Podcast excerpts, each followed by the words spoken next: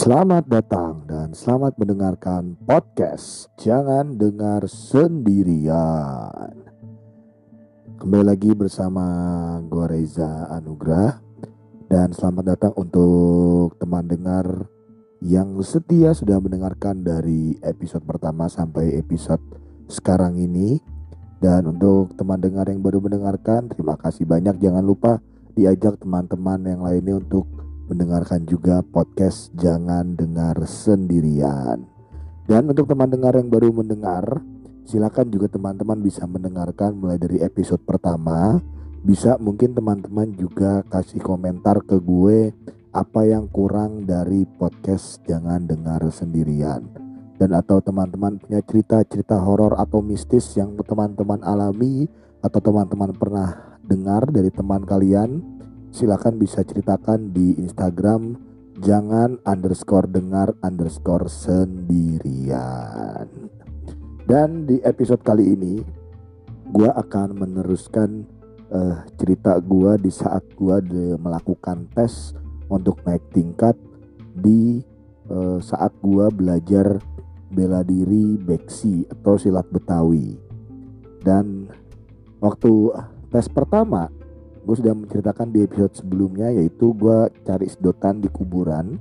Lalu tes kedua gue harus melewati gang kecil yang disebut biasa oleh oleh orang sekitar itu adalah gang setan. Dan di episode ini gue tes terakhir untuk agar gue bisa naik ke tingkat berikutnya di saat gue belajar bela diri. Nah di tes terakhir ini gue harus duduk di sebuah rumah kosong yang sangat besar tapi sudah dibilang hancur tidak begitu hancur masih ada bangunan bangunan intinya masih kebangun tapi eh, seperti beberapa bagian itu sudah hancur dan di depan itu ada kebun yang cukup besar.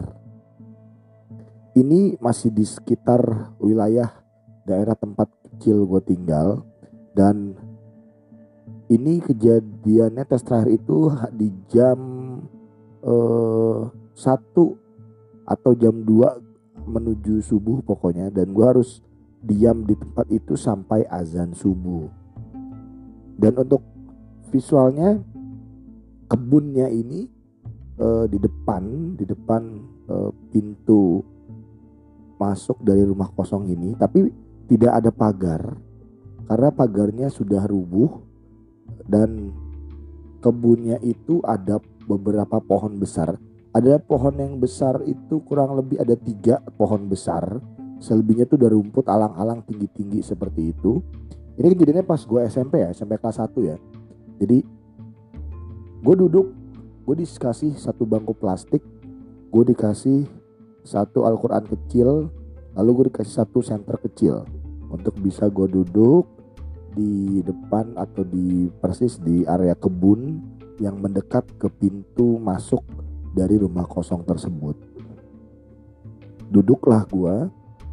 Tugas gua hanya bertahan di situ sampai azan subuh. Dan duduklah gua di sana. Ini kurang lebih jam 2 kalau tidak salah. Gue duduk di sana.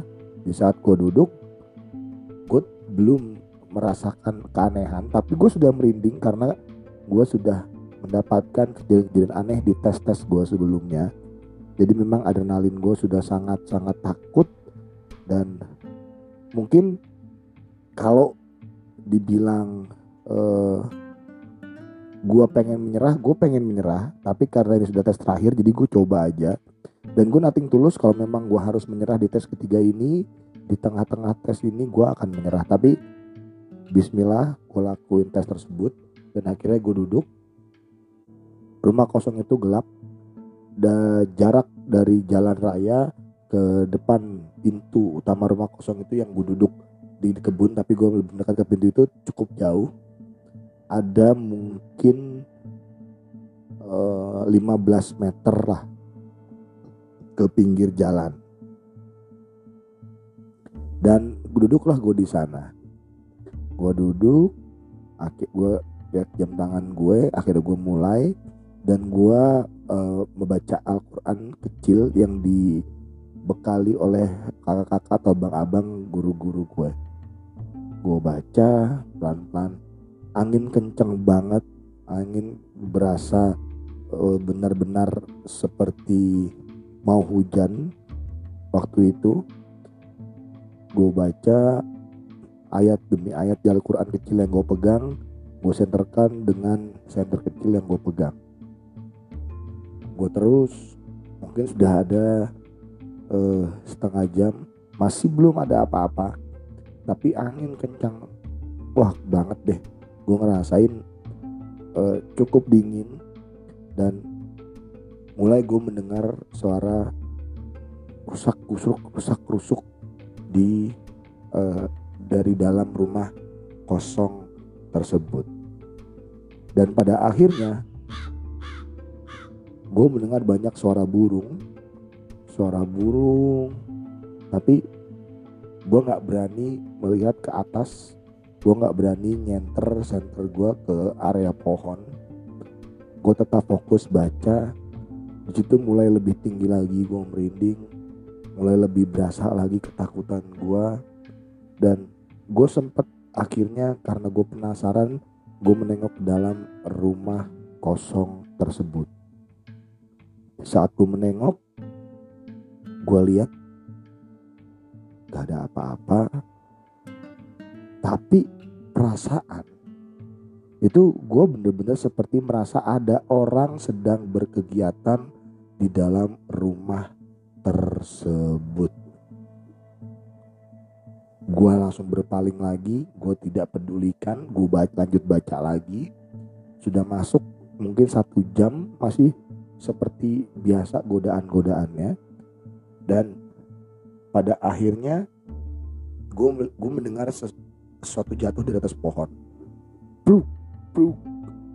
ya gue berpikir mungkin itu burung-burung yang sedang tidur atau mungkin terganggu dengan keadaannya gue di situ.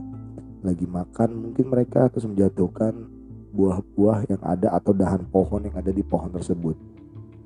Gue lupa itu pohonnya apa yang pasti besar-besar ada ma mungkin ada pohon mangga di sana dan pohon-pohon lainnya. Gue masih bertahan dan pada akhirnya puncaknya yang bu bikin gue bener-bener penasaran dan gue takut itu seperti ada suara tutup pintu dari dalam rumah kosong tersebut. Gebrak. Satu kali bunyinya gue nengok gue center di sini gue beranikan center karena saking penasarannya gue akhirnya gue center ke dalam rumah kosong tersebut gue center gue kanan kiri kanan kiri. Akhirnya gue seperti melihat gue nggak tahu apakah itu hanya rasa ketakutan gue dan akhirnya gue e, berhalusinasi. Gue seperti di saat gue center dari kiri ke kanan kiri ke kanan itu seperti ada satu bayangan yang gue pikir gue nggak tahu itu apa. Apakah mungkin itu bayangan pintu atau itu bayangan apa pun yang gue nggak tahu deh. Dan gue lihat cukup tinggi bayangannya tapi gue tidak berani mempertegas dan akhirnya gue fokus lagi baca. Gue baca lagi dan pada akhirnya gue mendengar suara keran air mengucur. Dan itu cukup jelas suaranya. Mengucur seperti kayak bukan shower ya tapi keran air ngucur ke dalam bak atau ember yang sudah berisi air. Jadi teman-teman paham ya maksudnya. Dia mengucur. Gue nggak berani untuk mempertegas. Gue diemin. Gue tidak pedulikan. Gue baca makin cepet. Karena gue takut gue baca makin cepet. Udah gue liat jam masih lama ajan subuh dan gue masih harus terus bertahan itu terus suara air itu ngocor. Dan pada akhirnya di jam setengah empat mungkin sudah mendekati subuh gue dengar seperti orang mandi jam setengah empat dengan menggunakan gayung bukan pakai shower ya suara gayung kebiar kebiur ini kanan kirinya nih rumah-rumah gede dan nggak mungkin rumah gede orang kamar mandinya pakai gayung dan suaranya terdengar sejelas itu.